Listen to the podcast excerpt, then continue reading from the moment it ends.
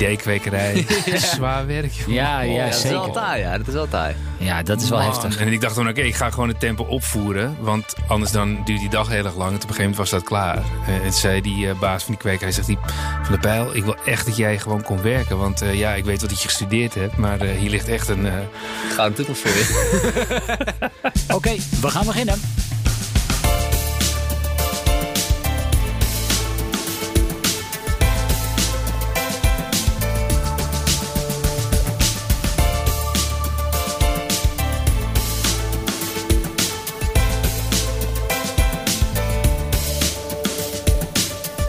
Dit is BNR's Baanbrekende Businessmodellen, aflevering nummer 26. De podcast waarin we praten met bedrijven die zichzelf opnieuw uitvinden en nieuwkomers die bestaande markten opschudden. Ik ben John van Schagen en naast mij staat Patrick van der Pijl. Eh, we hadden het zojuist al even over bijbaantjes. Patrick, jij hebt er een hoop gehad. ja, ik heb echt heel veel bijbaantjes gehad. Van, allerleukste? eh, ja, dat vond ik gewoon in, de avond- en nachtdiensten in het eh, uitvaartbedrijf van mijn vader. Want er gebeurde altijd wat. Eh, en nou, dat, was, nou, dat vond ik eh, machtig interessant. Ja, je zegt er gebeurde altijd wat, maar er ligt daar iemand en die, daar komt voor verder toch niet zo heel veel leven uit. Nee, of- dan gebeurt er niks meer. Maar ehm, dat je s'nachts eruit geroepen wordt en dat je dan een bericht krijgt van de politie dat je dan ergens naartoe moet, maar dat je eigenlijk niet weet wat het is. Ehm, ja, dat kan van natuurlijke sterfgevallen tot niet natuurlijk. En toen mocht jij mee. Ja, dus van, toen ik 18 was, begon ik ehm, in de avond- en nachtdienst en heb ik tot mijn 23ste gedaan. Wauw, gaaf. Nou, onze gasten runt in ieder geval een platform waar je als student of ZZP'er terecht kunt voor een baantje in de horeca of de supermarkt bijvoorbeeld. Alleen, het is een businessmodel waar sommige mensen een heel klein beetje moeite mee hebben. Wetgevers bijvoorbeeld. Niels Arends van Temper, van harte welkom. Ja, dankjewel. Leuk dat je er bent. Leuk te zijn, jongens. ja, een digitaal prikbord voor werk lees ik op de website. Dekt dat de lading een beetje? Ja, zeker wel. Ja, we hebben er even over nagedacht. Maar eh, nee, dat, dat is wat het is. Het is een, eh, eigenlijk de evolutie van het, eh, het prikbord dat bij de Albert Heijn hangt. Ja. En dat betekent dat jullie studenten, moet ik het zo vaak zien? Of zijn het ook wel oudere mensen? Nou, de gemiddelde, de gemiddelde persoon die via Temper bijverdient, die is 5, 26. Ja, ja, toch wel. Maar er zijn ook mensen van 50 hoor, die, die Temper gebruiken. Het ligt heel erg aan een specifieke fase van je leven. En ja, dat is voor iedereen anders. Ja, en we gaan natuurlijk nog uitgebreid in, dit, eh, in deze podcast praten over hoe dat werkt. Maar kun je even een soort van eh vliegersvlugge uitleg geven? Ja, het is, het, is, het is een prikbord voor werk. Dus mensen die. eh, dus, nou, laten we horeca als voorbeeld nemen. Want we, weer, We zijn weer open. Iets, iets van, van open is. Die plaatst een klus op temper voor barman. Eh, die zetten die vanmiddag op. En al die mensen die langs dat prikbord lopen, of die dus die app in hun broekzak hebben, die zien, dat, eh, die zien die klus, die reageren erop. En die horecabaas krijgt 40 of 50 reacties. En die kiest de kandidaat die het best bij hem of haar past. En die, die persoon wordt uitgekozen en die gaat diezelfde avond werken. En die heeft binnen drie dagen geld op zijn rekening. En komt dat geld via jullie of is het de horecabaas die hem in dit geval betaalt? De horecabaas betaalt natuurlijk. Ja. Maar er wordt, wordt via een, een derde partij. Dus wij werken samen met de factoringmaatschappij. Oh ja. En die doet alle debiteurenbeheer, die, die doet de facturatie. Die zorgt ervoor dat het geld uiteindelijk bij die persoon terechtkomt. ja. En is de student of de, laten we zeggen, degene met het bijbaantje dan automatisch ZZP'er? Ja, als je via Temper wil werken heb je een btw-nummer nodig. Dus Nee. alle mensen die via Temper werken, die hebben een btw-nummer of een KVK-inschrijving. Want met een KVK-inschrijving heb je ook een btw-nummer. Eh, dat, ligt, dat is een keuze die ze zelf maken.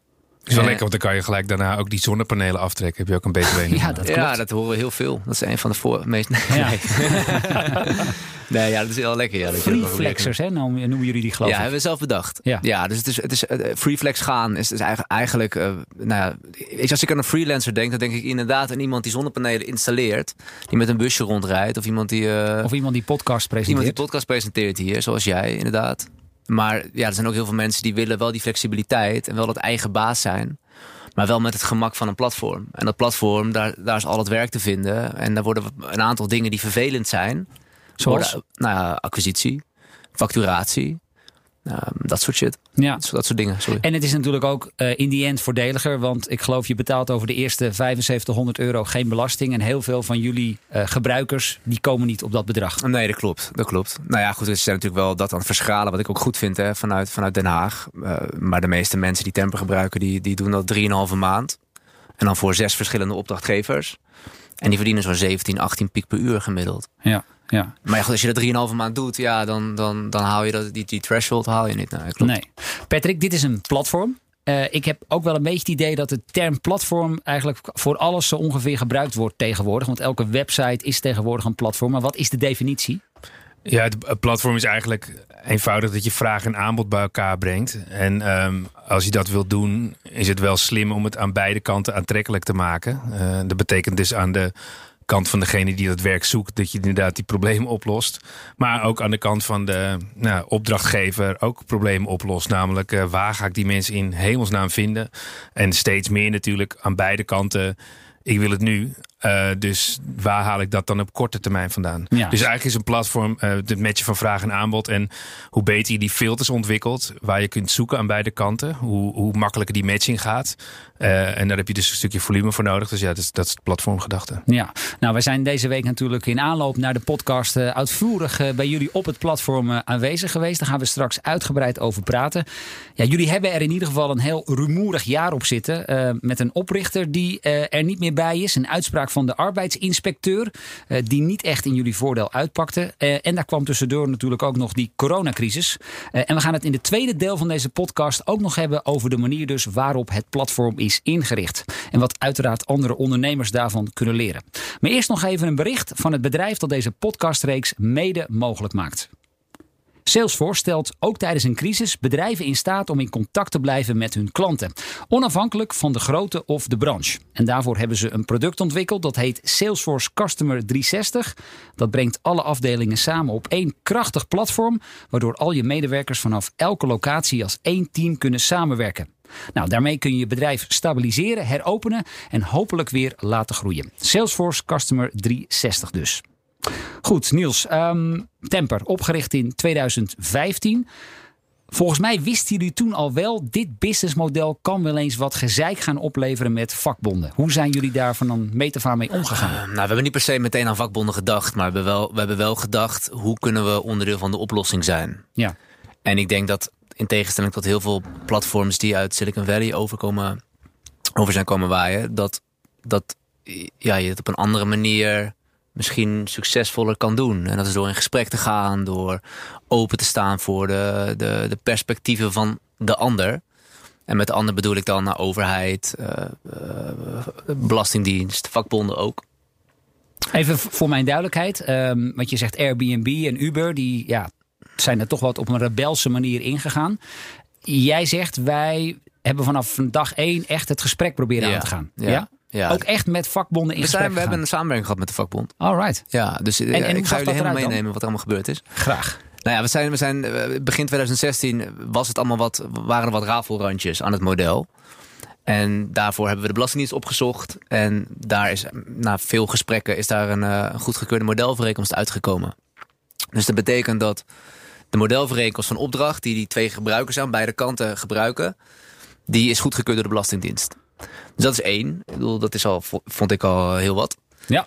En maar we zijn daar niet gestopt. We zijn doorgegaan. Want we hebben ook, ook met wetgeving, uh, dus met het ministerie Sociale Zaken zijn we in gesprek gegaan. Van hoe kunnen we die dingen die nu niet goed geregeld zijn voor die zelfstandigen, hoe kunnen we die fixen? Want weet je, ik, ik, ik, ik, ik zweer helemaal niet per se met bij het, uh, het zijn van een ZZP'er hoor. Maar ik zie nu wel dat het de, de meest aantrekkelijke werkvorm is die er nu is. Omdat ik die andere werkvormen die er zijn, al he, heb ik helemaal niks mee. En dat werkt ook niet zo goed voor die mensen die op deze manier willen werken. Nou, en de vakbond is dan zeg maar, de laatste partij. En daar hebben we, wanneer was dat? Ik denk... Nou, niet de makkelijkste partij. Nee, ja, noem, noem één platform die langer dan drie maanden met z'n aan tafel gezeten heeft. En wij hebben anderhalf jaar een samenwerking met ze gehad. En dan specifiek okay. met de FNV Horecabond, wat ja. een autonome bond is. En zij hebben gedacht, oké, okay, we gaan dit omarmen. Weet je, we zien in die horecasector dat er grote problemen zijn. Mensen lopen weg, ze willen daar eigenlijk helemaal niet werken. Ze kunnen het wel, maar ze willen het niet. En hoe komt dat? En dat heeft alles te maken met, met, met, met de, de, de aard van het werk, denk ik. Dus de sector, hard werken, voor weinig. Wordt veel flexibiliteit van je gevraagd. Ik als het volgende week maandag lekker weer is... en al je vrienden gaan naar het strand dan is de, de, de, vriend die in de horeca werkt, die zegt dan altijd hetzelfde. Van ja, ik moet even kijken of ik niet moet werken, man. Ja. En je zegt, we hebben anderhalf jaar lang met die vakbond aan tafel gezeten. Uh, samenwerking gehad. Samenwerking zelfs gehad. Uh, wanneer eindigde dat en, en waarom? Dat is geëindigd uh, rondom de, de, eerste golf van corona. Oké, okay, dat is nog ja. redelijk recent dus. Ja. ja. En wat was daar de directe aanleiding? Voor? Nou ja, corona was natuurlijk, het heeft ons allemaal overspoeld. Uh, ja, iedereen kwam. Uh, ja. vanaf, de, vanaf de ene op de andere dag verloren wij 95% van onze omzet. En dat is nog niet eens het allerergste. Want daar zijn we dan uiteindelijk wel weer overheen gekomen. Maar die mensen die thuis zitten, die horecazaak die dicht moest. Die mensen die daar werkten, die, die, die zijn overal buiten gevallen. En dat, maar de horeca, um, of althans de coronacrisis, kan toch niet de reden zijn waarom een vakbond zegt: oké, vanaf nu vinden we temper ineens niet meer een, een reële oplossing? Nou ja, we zijn altijd, altijd gedoogd door, de, door de grote, het grote FNV, of, hoe je dat ook noemt. En, en daar. Um, daar hebben ze intern natuurlijk wel, wel gesprekken over gevoerd. En daar uiteindelijk heeft de FNV Horecabond gezegd van... oké, we geloven hierin, we willen het omarmen... we willen kijken of we kunnen opbouwen in plaats van afbreken. En daar hebben we anderhalf jaar lang de tijd voor gehad. En daar zijn hele mooie dingen uitgekomen. We hebben echt gebruikersvoorwaarden hebben aangepast. We hebben bepaalde features toegevoegd. Echt uit, uit nou ja, het belang van die samenwerking en het belang voor die werkenden. Want ik denk dat, dat, we, dat we ergens als elkaar de hand kunnen schudden, die vakbond en, en, en Temper als platform, is dat we die positie van die werkenden willen verbeteren. Dus, en dat hebben we gedaan. En, en, ja, ik kan alleen maar gissen. Ik, ben de vakbond niet. Ik heb wel geleerd dat ik mezelf niet meer de waarom-vraag moet stellen. Nee, want daar denken ze nu heel anders over. Ik bedoel, nou ja, het, kijk, het is nu wel een soort van bokswedstrijd geworden. Nou ja, het is, het is ik, ik, nogmaals, ik ben een vakbond niet, hè, maar ik denk dat corona, uh, dat ze nu hun voordeel doen met deze situatie. Er zijn heel veel mensen die nu. Maar zeg je in feite dat ze daarmee het eigenlijk nooit een goed idee gevonden hebben. En dat ze deze situatie nu als een soort van ja, misbruiken om. Uh, moeilijk, weet ik niet. ik, Nogmaals, ik ben, ik ben de vakbond niet. En ik, ik, ik ben gewoon uh, Niels. En ik, ik, ik, sta hier namens Temper. En ja. daar ben ik heel blij om. Kijk, en, en, en we komen er wel uit, uiteindelijk. Maar dit is wel, het is, ik, ik vind het wel bijzonder. Ja, weet je, uh, we hebben aan die samenwerking gezocht. En die hebben, die hebben we anderhalf jaar lang hebben die gevoerd. En, en nu niet meer. Ja, dat zijn de feiten. En nu zijn we, zijn, we, zijn we gedagvaard, dat klopt. Ja, ja, want daar gaan we zo nog wel even over praten. Patrick, dit zie je wel vaker natuurlijk hè, bij platformen. Het is een, een relatief nieuw businessmodel. Uh, Airbnb, Uber, een beetje hetzelfde verhaal. Gingen er weliswaar anders in. Maar hebben ook uh, inmiddels heel wat juristen in huis. Omdat er heel veel uh, tegenstand komt.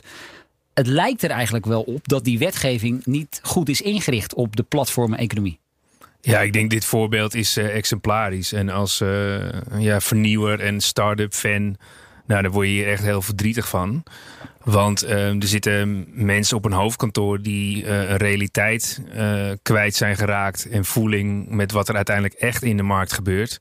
En dat is gewoon een arbeidsmarkt die in ontwikkeling is. En waar andere behoeftes zijn. En ook aan de kant van bijvoorbeeld werkgevers. En, en je ziet dan als je mm, die markt gaat uitdagen, omdat je uiteindelijk een model neer kunt zetten die sneller en veel transparanter is. Dat betekent zeg maar dat uh, andere verdienmodellen die minder transparant zijn onder druk staan. Maar dat, dat waren we allemaal wel gewend. Uh, we weten dat Randstad niet alle tarieven en alle dingen op tafel legt bijvoorbeeld. En als je dan dat via een uh, platformmodel wilt gaan doen ja, dan zie je wel dat mensen die uh, in het oude model nog leven, uh, ja, daar heel veel weerstand tegen hebben. En dat is eigenlijk een heel kwalijke zaak als je gaat nadenken over ja, hoe je arbeid beter kunt uh, mobiliseren en, en, en flexibiliseren.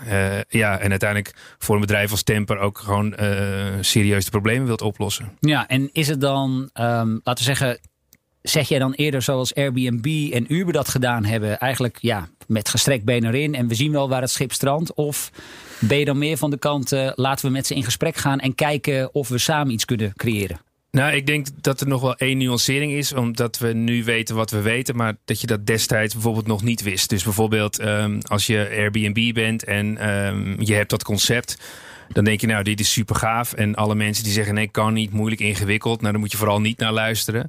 Maar uiteindelijk kom je dan ook tegen zaken aan van, oh, wacht even, als we een appartement meerdere keren gaan verhuren. En dat staat eigenlijk niet in de afspraken die contractueel met de hypotheekverstrekker bijvoorbeeld gemaakt zijn.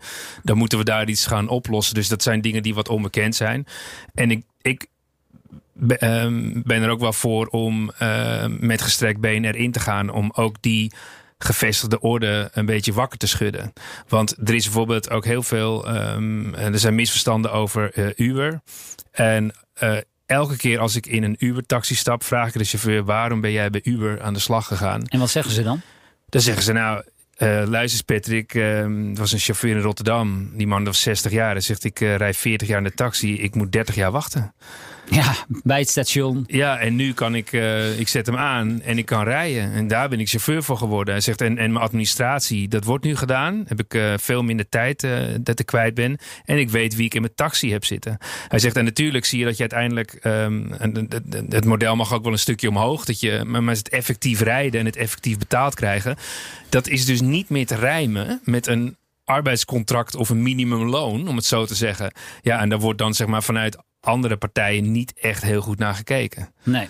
Uh, de realiteit is nu wel, Niels, uh, je gaf het net al aan, jullie zijn gedagvaard. De inspectie SZW heeft onlangs gezegd, jullie zijn in feite gewoon werkgever. Freeflexers zijn uh, geen zelfstandigen. Kwam dat als een schok voor jullie? Ja, sowieso. Ja, die hele, dat hele inspectieverhaal is echt echt bizar. Ja, ja, daar waren jullie niet echt uh, heel content mee, hè, las ik. Nee, zeker niet. En ik, misschien heb ik wat emotioneel gereageerd toen. Uh, Prutswerk. de krant, ja, prutswerk, heb gezegd. Ja, nou, je moet het een beetje vergelijken, John. Als jij, als jij hoeveel podcast is dit? 26? Ja.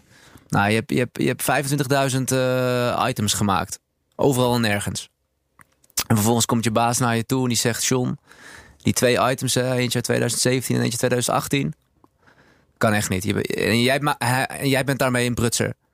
Ja, dat, dat, dan ben je opeens, worden die twee dingen worden ja, representatief want gesteld. dat was inderdaad jullie uh, uh, kritiek op het rapport. Dat ze echt een hele kleine populatie, ik geloof een handjevol mensen. Hebben nou, ze... ze hebben het op basis van twee meldingen, waarvan ja, één ja. anoniem, zijn ze drie jaar onderzoek gaan doen. En ze hebben wat mensen gevonden. Ja, weet je, met wat voor vragen, dat wilden ze niet zeggen. Ja.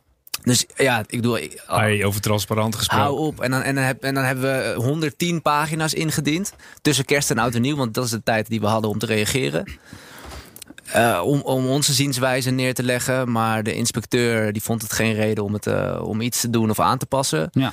En vervolgens is het gedeeld met FNV. Dan denk ik, ja, Waar leven we, man? Wat is dit? Wat Echt nu? insane. Maar Nou ik, ja, leerde, ik leerde vroeger altijd thuis. ehm, je weet aan wie je de vraag stelt, wat voor antwoord je krijgt. Juist. Of je dan je vader stelt of van je moeder. Dan denk ik, ja, maar ga, laat die mensen beoordelen die geen idee van technologie hebben.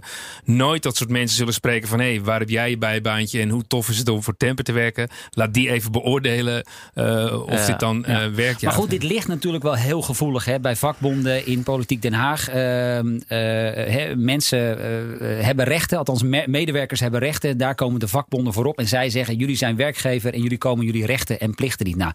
De grote vraag is natuurlijk: wat nu? Nou ja, nu, nu, nu zijn we eh, eh, de, de, positie of de, de periode van praten en met elkaar in gesprek zijn we nu een beetje voorbij, helaas. Ja, en dan, dan, dan, dan heb je het over dagvaardingen en, en Ja. advocaten. Ja, vind ik echt wel zonde hoor. Ja, wat zeggen jullie investeerders op zo'n moment? Ja, heel veel vertrouwen. Heel veel vertrouwen. Dus je hebt in augustus 2020, toen de wereld wel een beetje in de fik stond. Toen hadden we net die sommatie gekregen. Corona was ook een tijd in de gang.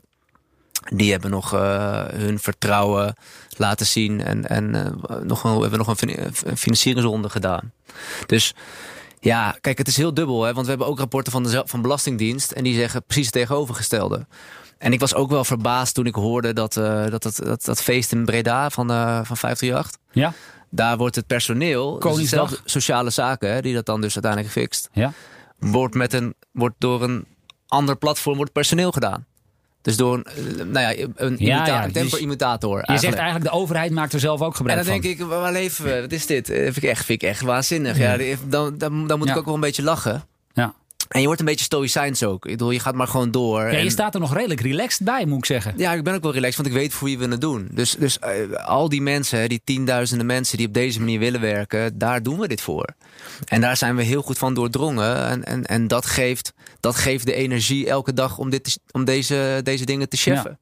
En nu is het zo, Patrick, dat ehm, als je een bedrijf begint, dan is juridisch gedoe niet iets waar je als eerste aan denkt. Maar in dit geval is het dus wel echt een wezenlijk onderdeel van je businessmodel. Ja, nou, kijk, ik denk zeg maar in het algemeen genomen heb ik ook met mijn eigen bedrijven meegemaakt dat je ehm, eh, dat niet als basis meeneemt in je businessmodel. Nee, nee. Dus nou, hadden een keer founder shit, moest ik ook een advocaat inschakelen en een keer met de leverancier. Nou, dat, dat eh, hoort er blijkbaar bij.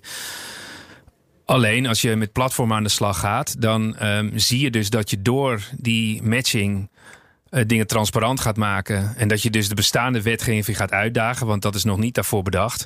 Alleen wat je dan wel hoort van Niels, is dat zij dus actief het gesprek zijn aangegaan om het probleem op te lossen. En bijvoorbeeld als ik dan naar uh, Temper, naar de website kijk en je meldt je aan als collega. Ehm, het is echt wel duidelijk wat je daarvoor moet doen en wat je niet moet doen. Zeg maar, om een voorbeeld te geven nog even naar het uitvaartbedrijf naar mijn vader te gaan. We hadden vroeger dragers in dienst. En, en die dragers die dragen dan de kist. En dat waren zeg maar herenboeren. Dus dat zijn boeren uit het platteland die uh, nou, uh, gepensioneerd waren. En die kregen dan 25 gulden. Uh, nou, dat was ook allemaal duidelijk. Werd ook allemaal opgegeven bij de Belastingdienst. Was ook duidelijk dat ze daar zelf iets over moesten afdragen. Alsnog hebben wij op een gegeven moment een ruling met de Belastingdienst uh, moeten maken. Omdat ze alsnog zeiden: hey, dit is geen zuivere koffie en het kan wel eens anders geïnterpreteerd worden. Want dan ben je, vertrouw je op het individu ja. dat hij dat weet. Nou, dat, dat namen we aan, wisten we niet. Plus dat diegene het ook nog eens moet opgeven bij de Belastingdienst. Nou, als je bijvoorbeeld kijkt naar de website bij um, Temper, staat het er allemaal gewoon in. Geef je ook echt akkoord. Dus het is geen loesje praktijk. Dus daar heb ik wel moeite met um, hoe dit gaat. Dus ja, platformen heb je daarmee te maken. Ja, dan moet je extra aandacht besteden. Nou, dat hebben ze wel gedaan. Ja, we zien het ook wel als onze informatieplicht of informatiezorg. Dus we leggen heel goed uit als je een account aanmaakt. Dit zijn de voordelen, maar er zitten ook nadelen aan. En dat je papierwerk hebt of dat je, dat je aangifte moet doen vier keer per jaar. Dus daar zijn we maximaal transparant in. Ja, en nog steeds kan het zijn dat mensen er doorheen glippen zonder te lezen. En ja, hoe ver wil je gaan als platform, weet je wel? Dat vind ik ook nog wel een, een ethische kwestie. Want ergens is het onze rol niet. Wij zijn eigenlijk, eigenlijk zijn we geen eens een partij in dit alles. Ja, ja, daar denken de vakbonden dus wel anders over. Ja, maar ja, weet je, nu is het opeens, dat vind ik zo bizar. Hè? Dus nu gaat het over gezag en autoriteit. En ze hebben honderd jaar lang zijn ze aan het strijden om die, die, die hiërarchie weg te werken. Hè? Dus tussen baas en tussen, tussen werknemer. En nu opeens is, is gezag het paradepaardje en draait het daarom. Dan denk ik, ja. Maar zij zeggen onder meer, hè, jullie hebben door middel van een ratingsysteem invloed op de selectie van freelancers. Jullie berekenen een gemiddeld uurtarief. Jullie oefenen gezag uit over de freeflexers door een boeteclausule voor als je je te laat afmeldt. Je regelt het vervangen van free, freeflexers. Stel de overeenkomst op. Um, allemaal zaken die. Maar zullen we, laten, we deze, laten we deze één voor één tackelen. Ja? Zullen we het gewoon even hier doen? Hoe lang hebben we nog? Nou ja, goed. Ik wil wel zo meteen naar het tweede deel. Maar als je, als je snel bent, nou laten we het even doen. Ja. Zo'n boete, dat is, dat is dat, als jij niet je, je overeenkomst nakomt, dan, dan kan de opdrachtgever besluiten om een boete te, te krijgen ja, eh, of te innen. En dan, en dan kunnen ze dat zeggen. Nou ja, we hebben, we hebben last minute iemand anders moeten, moeten vinden. Daar hebben we meer voor moeten betalen. Dus je, dan krijg je een boete. Daar heeft Temper niks mee te maken. Doen we niks mee. En, en, en ja, weet je, een ratingsysteem. Ja, klopt. Als jij bij mij gewerkt hebt, als Patrick bij mij gewerkt heeft. En ik ben blij met Patrick, geef ik hem vijf sterren. En als Patrick zegt, nou, het was een leuke tent, die tent van Niels. Krijgt hij vijf sterren. Dat is het. En dat doe je vervolgens, doe je daar iets mee of niet? En ja, weet je, vervanging regelen. Ik weet, ik weet echt, dit is echt, echt onzin. Um, als je nadenkt over hoe het nu werkt, dan zijn het mechanieken op een platform die helpen om elkaar beter te kunnen vinden ja, als je dat met reviews doet, kun je elkaar dus beter vinden. Um, als je dus spelregels afspreekt, kun je elkaar dus beter vinden. Dus dat is vanuit dat perspectief um, heeft het helemaal niks met werkgeverschap te maken. Um, ja, en die modellen zijn ook niet echt meer interessant. Want qua risico is als je temper bent en je hebt al die mensen op de loonlijst staan. Ja, het is helemaal niet interessant model. En dat, daar profiteert ook uh, in dit geval de horeca van.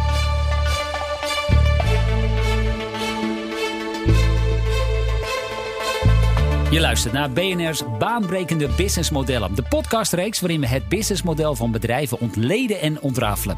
Mijn naam is John van Schagen. En ik ben Patrick van der Pijl. En onze gast is Niels Arends, een van de oprichters van Temper. Platform voor tijdelijke baantjes. Nou, er is veel gedoe met vakbonden, zo hoorden we zojuist al even. Uh, coronacrisis kwam er nog even tussendoor. Maar we gaan zo meteen ook praten over hoe je zo'n platform nou op een slimme manier inricht. Wat komt er nu weer uit de oude doos? Maar eerst gaan Patrick en ik terug naar een beroepmoment. Een speciale ondernemer of leuke anekdote uit vroegere tijden. Patrick, wat komt er uit jouw oude doos? Ja, dus ik ga naar Amerika toe. Uh, naar Samuel L. Workman. En dat is een van de pioniers geweest op het terrein van uitzendwerk. Hij had een eenmanszaak en zond tijdelijk mensen uit. En hij kwam met dat idee als een soort rented help. Oftewel inhuurbare arbeidskrachten. En dat bedacht hij ongeveer in 1920. In 1930 ehm, maakte hij zijn beroep daarvan. ehm, en het uitzenden van tijdelijk personeel. Nou, in de jaren 50 kwam dat vak pas naar eh, Nederland eh, toe. Eh, voornamelijk op basis van freelancers die werden uitgezonden in de administratieve sector. Ehm, en daarnaast eh, zag je dat er een soort eh, bemiddelaar was die dan zorgde dat die mensen ook aan de slag eh, Ja. kwamen. De randstadden van deze wereld. Nou, die kwam in 1960, dus Frits dacht, daar ga ik wat mee doen. Ja, en dat had hij goed bedacht. Ja. Zeker. Nou, en die van jou dan? Nou, mijn moment. Ik ben eens even gedoken in de historie van de ZZP'er. Want Niels die zei het zojuist al. eh, Ik ben zelf ook al ZZP'er een jaar of dertien. Naar alle tevredenheid overigens. Ehm, het is een term die zo ongeveer ergens in de jaren tachtig komt opduiken. eh, bedacht door de Belastingdienst. Ehm, eerst zag je vooral eh, bouwvakkers die eh, dan allerlei tijdelijke klussen aannamen. In 1988 heb ik kunnen vinden waren er ongeveer 1600 van in Nederland. Jaar later was dat aantal al verdubbeld. Inmiddels hebben we er ruim een miljoen. En in 2014, ook nog wel even aardig om te noemen, werd het voor het eerst genoemd in een troonrede. Nieuwsuur, die ontdekte recent dat de oudste vermelding van de term zelfstandige zonder personeel uit 1967 dateert. Een lezer vraagt daarin namelijk in het nieuwsblad van het Noorden. Ik werk als zelfstandige zonder personeel. Nu ben ik ziek geweest en ik mag ongeveer acht maanden niet werken, zodat ik dan ook niets verdien. Heb ik nu ook recht op een uitkering van een andere instantie gedurende die periode? Die vraag komt dus uit 1967 en vandaag de dag nog steeds heel actueel. Niels, ehm, ik heb het zojuist al even genoemd. De coronacrisis. Mhm. Dat was wel even een shock voor jullie. Ja, kan je wel zeggen, ja, voor wie niet? Voor wie niet? Ja, ik weet het nog wel goed die dag. Dus van de een op de andere dag viel 95% van onze omzet weg. Ja, want op die zondag, ergens half maart, ging de horeca dicht. En dat zagen jullie misschien al een beetje aankomen. Ja, ja, ja alles wat ingepland was, dat, dat, dat verviel allemaal. Ja, vind ik niet heel gek natuurlijk. Nee. Dus dat, dat is wat gebeurd is. En ik, ik vind, het was heftig voor ons. Het was echt geen makkelijke tijd. En zeg je daarmee ook dat 90% van jullie omzet uit de horeca komt? Ja, toen wel. Ja, we zijn wel gediversificeerd dankzij corona. Dat dan weer wel. Dus we zijn ook nu wat meer in de logistiek en de detailhandel zijn we, zijn we ons gaan bewegen, noodgedwongen. Maar we hadden toen in maart, begin maart, hadden we 150 mensen personeel op kantoor. En, en we hebben ook wel mensen moeten laten gaan. Ja, Ja. ja. Heftig. best wel. Ja, voor die mensen natuurlijk vooral. Eh, voor, voor ons ook. Maar wat ik het, het allerheftigst vind is voor die horecabazen. Dat is één. Maar ook die mensen die daar aan het bijverdienen waren. Want die zijn buiten alle steun gevallen. Dus omdat die overheidssteun, die, die had nog wat, wat, wat ouderwetse voorwaarden. Waaronder een verplicht KVK-nummer. Nou, ik vertelde al, de mensen die via Tempen werken, die hebben vaak enkel een BTW-nummer. En er was een urencriterium van 1224, 25 uur per jaar. Nou ja, als jij bijverdient, een klusje in de week, haal je dat niet. Nee. Dus die mensen hebben zijn overal buiten gevallen. Wat me wel, eh, dat heeft me wel wat slapeloze nachten Ja, gegeven. ja. collegezalen dicht, kroeg dicht, niets meer bij kunnen verdienen. Ja. Die studenten hebben het wel eh, moeilijk gehad, zeg. Ja, Ja. ja. Hey, en dat diversificeren wat je noemt, hadden jullie dat niet eerder moeten doen? Nou, we waren al mee bezig natuurlijk. We waren wel pilots aan het doen. En dat deden we in samenspraak met de Belastingdienst. Van, hey, we gaan nu deze sector in, we gaan het klein houden, kijken wat dat doet. En, en dat hebben we opgeschaald, noodgedwongen. Dus Ja. we waren al mee bezig, we deden ook charitywerk. Eh, dus vrijwilligerswerk werd ook veel gedaan. Maar dat is ook helemaal stilgevallen natuurlijk. Ja, en nu hebben we het nog niet gehad over het platform aan zich. Hè, hoe het, ja, je hebt al even heel kort verteld hoe het werkt. Maar Patrick, jij ehm, vertelde mij in aanloop naar deze podcast. Jullie hebben ook als werkgever wel eens gebruik gemaakt van Temper. Ja, dus ehm, bij ons op de locatie kun je zeg maar, ook ehm, workshops draaien en doen. Dus dat betekent dat we ook die eh, werkzaamheden apart eh, inhuurden. En was uh, buitengewoon uh, plezierig. En dat is niet omdat Niels hier staat. Want, ja, ik wist tot voor kort niet dat Niels hier zou komen. Maar dat werkt heel erg plezierig. Waarom? Um, wij hebben zeg maar een hele creatieve ruimte. En dan um, komen de gasten, zeg maar 20 tot 40 man. Ja, en dan um, wie ga je daar dan eventjes uh, op, op inschakelen? En dan zie je dat zeg maar met uitzendbureaus lastig. Uh, en überhaupt mensen daarvoor te vinden. Bijvoorbeeld voor een fulltime functie is ook echt moeilijk om te zoeken. Maar je kan dan uh, via Temper een eigen pool aanmaken van mensen. Uh, en nou, daar kan je dan uit kiezen en dan, dan uh, post je dat.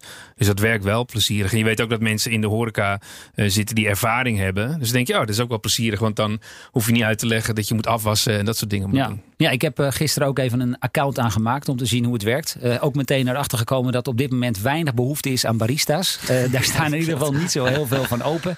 Sowieso. En dat is het enige Ja? wat jij kan natuurlijk. Nou ja, ik vond, die stond bovenaan bij de B. Ik dacht, dat vind ik wel leuk. Dus even kijken hoe het werkt. En ik moet inderdaad wel zeggen, Niels.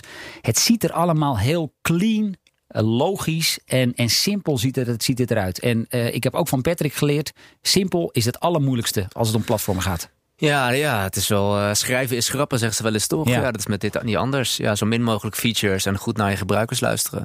Ja. Dat, is, wat, dat is wat we doen. En, en ik vind het mooi om het van Patrick te horen. Dus even, even een, een echte ja, rechtstreeks van een eindgebruiker. Maar dit is wat we heel veel horen. Ja. Dus echt eh, horeca professionals, mensen die weten wat ze, moet, wat ze moeten doen.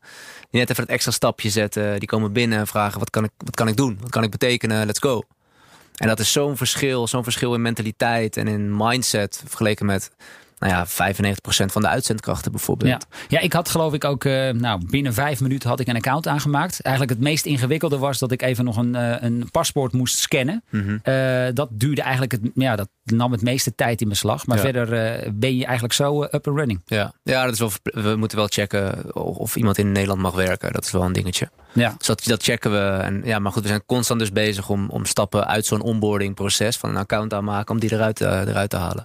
Ja. Hey, en dan, ehm, als je dan naar zo'n platform gaat, is geloof ik het allerbelangrijkste deel boven de vouw. Hè, wat, wat ze dan noemen, althans eh, datgene wat, ze, wat, je, wat je meteen als eerste ziet. Ja. Is dat ook nog zoiets wat je dan continu aan het aanpassen Ja, bent? natuurlijk, non-stop. Ja? non-stop. Ja, Heel veel tests doen en, en niet alleen op, op desktop, dus op je, op je laptop hier, maar ook, eh, AB testen. ja, maar ook de apps bijvoorbeeld. Ja, daar gebeurt het allemaal. Hè?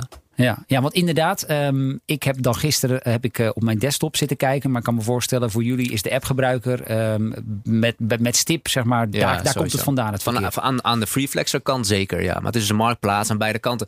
Ja, en daar, daar, je hebt eigenlijk twee gebruikers. Dus je bent eigenlijk twee producten in één aan het managen.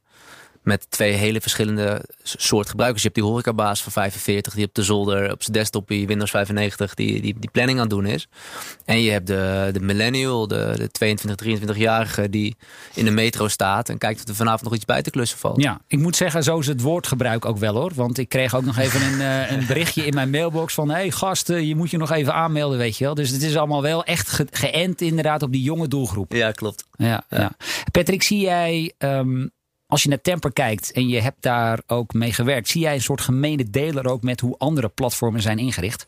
Ja, dus die platformen kennen dan die twee klantsegmenten. En belangrijk ook in dit platform onderscheid tussen producenten en consumenten. En producent is iemand die waarde op het platform levert. En de consument is degene die die waarde nodig heeft. De producent is degene die gewoon de handjes heeft. En eh, wat betekent dat dan in zo'n platform? Dat je het daar inderdaad zo makkelijk mogelijk moet maken. Dat die goed onboord is. Want alles ziet erop ehm, het, daarna eh, zo makkelijk en zo eh, snel mogelijk die ehm, eh, matching te kunnen doen. Ja, en dan zie je dat als je gaat kijken naar het, het oplossen van problemen, eh, zie je aan die ehm, producentenkant, die hele arbeid is compleet anders geworden. Weet je, mensen willen niet meer dat je denkt, ja, ik heb dat ene baantje en dat heb ik iedere vrijdag en zaterdag. eh, of tenminste steeds eh, minder mensen willen dat. Die willen die afwisseling. Dus ja, die kiezen gewoon op het laatste moment, eh, nou, nu heb ik een kater, heb ik geen zin. Maar daarna heb ik wel tijd. Dus die dat stukje, maar dan ook meteen betaald krijgen. Dus weten dat je dat binnen drie dagen op je rekening hebt staan. Dus dat is die producentenkant. Daarnaast aan die andere kant, ehm, voor de ja, opdrachtgever. Je wilt ook zekerheid eh, en een gezicht en duidelijkheid over wie dan bij jou eh, langskomt. Eh, en je wil daar ook niet meer afhankelijk zijn van een telefoontje en een tussenpersoon. Dat is best wel old school. Want die tijd hebben we nu gewoon niet meer. Dus dan zie je, hey, ik wil dat wel ehm, eh, gaan gebruiken. Dan moet die drempel ook laag zijn. Dus je ziet wat aan, aan die kant is dat de facturatie simpel is georganiseerd. Jij geeft ook akkoord op de uren. En je kunt die mensen zelf inplannen. Als je het echt helemaal niks vindt, hoef je ook niet te betalen. En dan kun je ook gewoon zeggen, nou, ik vond het niks. Of, eh, Ja, gedoe uit handen nemen. ja, dat is echt, echt problemen oplossen. En, en wat ik wel interessant vind, is dat dit is ook een echt grote markt. Dus dat betekent dat een platform eigenlijk een heel eh, goede oplossing daarvoor is. Ja. Ehm, hoe zit het met mensen? Jij hebt zelf via Te- Temper heb jij mensen aan het werk gehad bij jullie op kantoor. Ja. Daar heb jij dan vervolgens rechtstreeks contact mee. En ik kijk jou even aan Niels. Ik kan me voorstellen dat zo'n opdrachtgever denkt van nou, Jantje is eigenlijk best wel een goeie. Weet je wat, ik benader hem en hij kan voortaan rechtstreeks bij mij aan de slag. En misschien wil Jantje dat ook wel. Is dat een Dat is echt top. top, zeg je? Dat hebben we, hebben we vanaf het begin af aan hebben we dat, eh, Oké. kunnen we het alleen maar toejuichen. En het is Oh, ook want ik zou denken dat is juist een risico voor je businessmodel. Ja, nou ja, weet je, ik geloof wel. het- Ik geloof, ik, ik geloof dat er genoeg is. En, en dat mensen, als zij heel graag bij iemand in dienst willen. En die opdrachtgever en dan dus werkgever wil dat ook. Let's go. We sturen Ja. nog net geen slagroomtaart. We staan, er- we staan er niks in de weg. Ja, maar vind het- stuur je wel een maar ik vind factuur? het echt. Nou ja, nee, nee, ze hoeven Nee? niks te betalen voor. Nee, of overname fee of Ja, zo bedoel je. Nee, nee, want die mensen zijn vrij om te gaan en staan waar ze willen. Ik bedoel, in de oude, oude wereld, in die uitzendwereld werkte dat zo. Want die uitzenders die bewaken hun kapitaal. Het zijn die mensen die, daar, die ze daar uitzenden. Die ze ter beschikking stellen aan derden. Wat ik wel insane vind.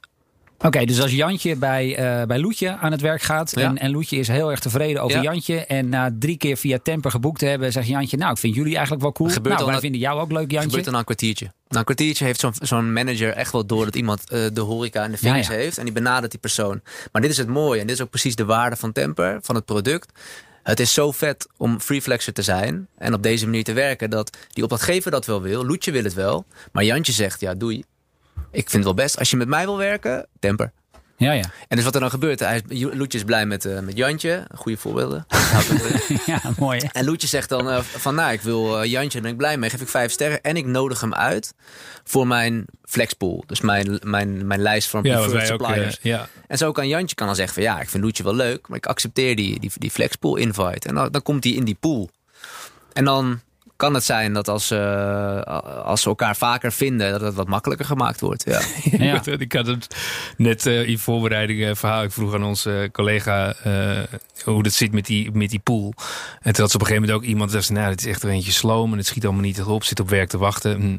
Dus die had ze uit de pool eh, gedaan. En op een gegeven moment eh, kon diegene ook niet meer in die pool. Dus die ging wel gewoon vragen: Hey, hoe zit dat? Oh, ja. Ja, het is wel mooi, want je, je moet wel het gesprek gewoon aangaan. Ja. Ja. ja. En nog een beetje tekst en uitleg geven. Ik, ik, ehm, ik wilde daarbij ook wel de vergelijking maken met Airbnb, eh, Patrick. Daar zie je dat je als, eh, als klant, eh, hè, dus je wilt, laten we zeggen, ergens gaan overnachten.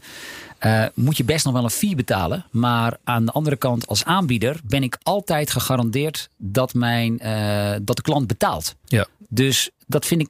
Ik zat daar eens over na te denken, maar dat is wel een mooie, eh, eigenlijk een mooie eh, im- impuls eh, om van Airbnb gebruik te blijven maken. Is dat ook belangrijk inderdaad bij platformen? Ja, bij Temper maakt het blijkbaar kijk, niet hier kijk, het heeft echt alles te maken met, met vertrouwen. En kijk, waarom ik dit ook een belangrijk onderwerp vind, is dat ehm, eh, de volgende platformen zijn ook al in de maak. En dit is gewoon echt eh, de nieuwe manier van vraag en aanbod matchen. Dus dit is niet de laatste keer dat zo'n probleem eh, eh, naar voren komt.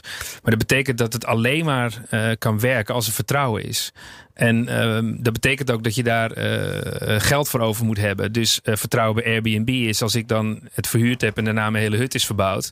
Dat dan Airbnb zegt, ja, eh, kan gebeuren, maar we nemen wel de verantwoordelijkheid. Want we zijn niet zomaar een partij. Ja. En ik hoorde het ook wel uit, eh, uit het verhaal van, van Niels, dat, je, dat hij ook de verantwoordelijkheid eh, wil nemen. Maar ik kan me ook voorstellen dat je dan zegt, ja, als er dan een partij niet betaalt, bijvoorbeeld een retailer die het niet meer redt, ehm, zal misschien een, een temper moeten inspringen. Of als bijvoorbeeld een ja, of, of de horeca die gaat laten betalen. Dat je aan beide kanten denkt de voorwaarden moet organiseren dat dat vertrouwen steeds Ja. blijft. Hoe kijk jij daarnaar, Niels? Nou ja, het is een heel goed punt. Ja, vertrouwen, dat, da- daar helpt zo'n ratingsysteem ook bij. Dus eh, als jij, als, als dus even Jantje te gebruiken, als Jantje bij Loetje gewerkt heeft, geeft hij ook ratings op andere vlakken. Dus van hoe was de communicatie, hoe was de werksfeer, kreeg ik eh, genoeg pauze.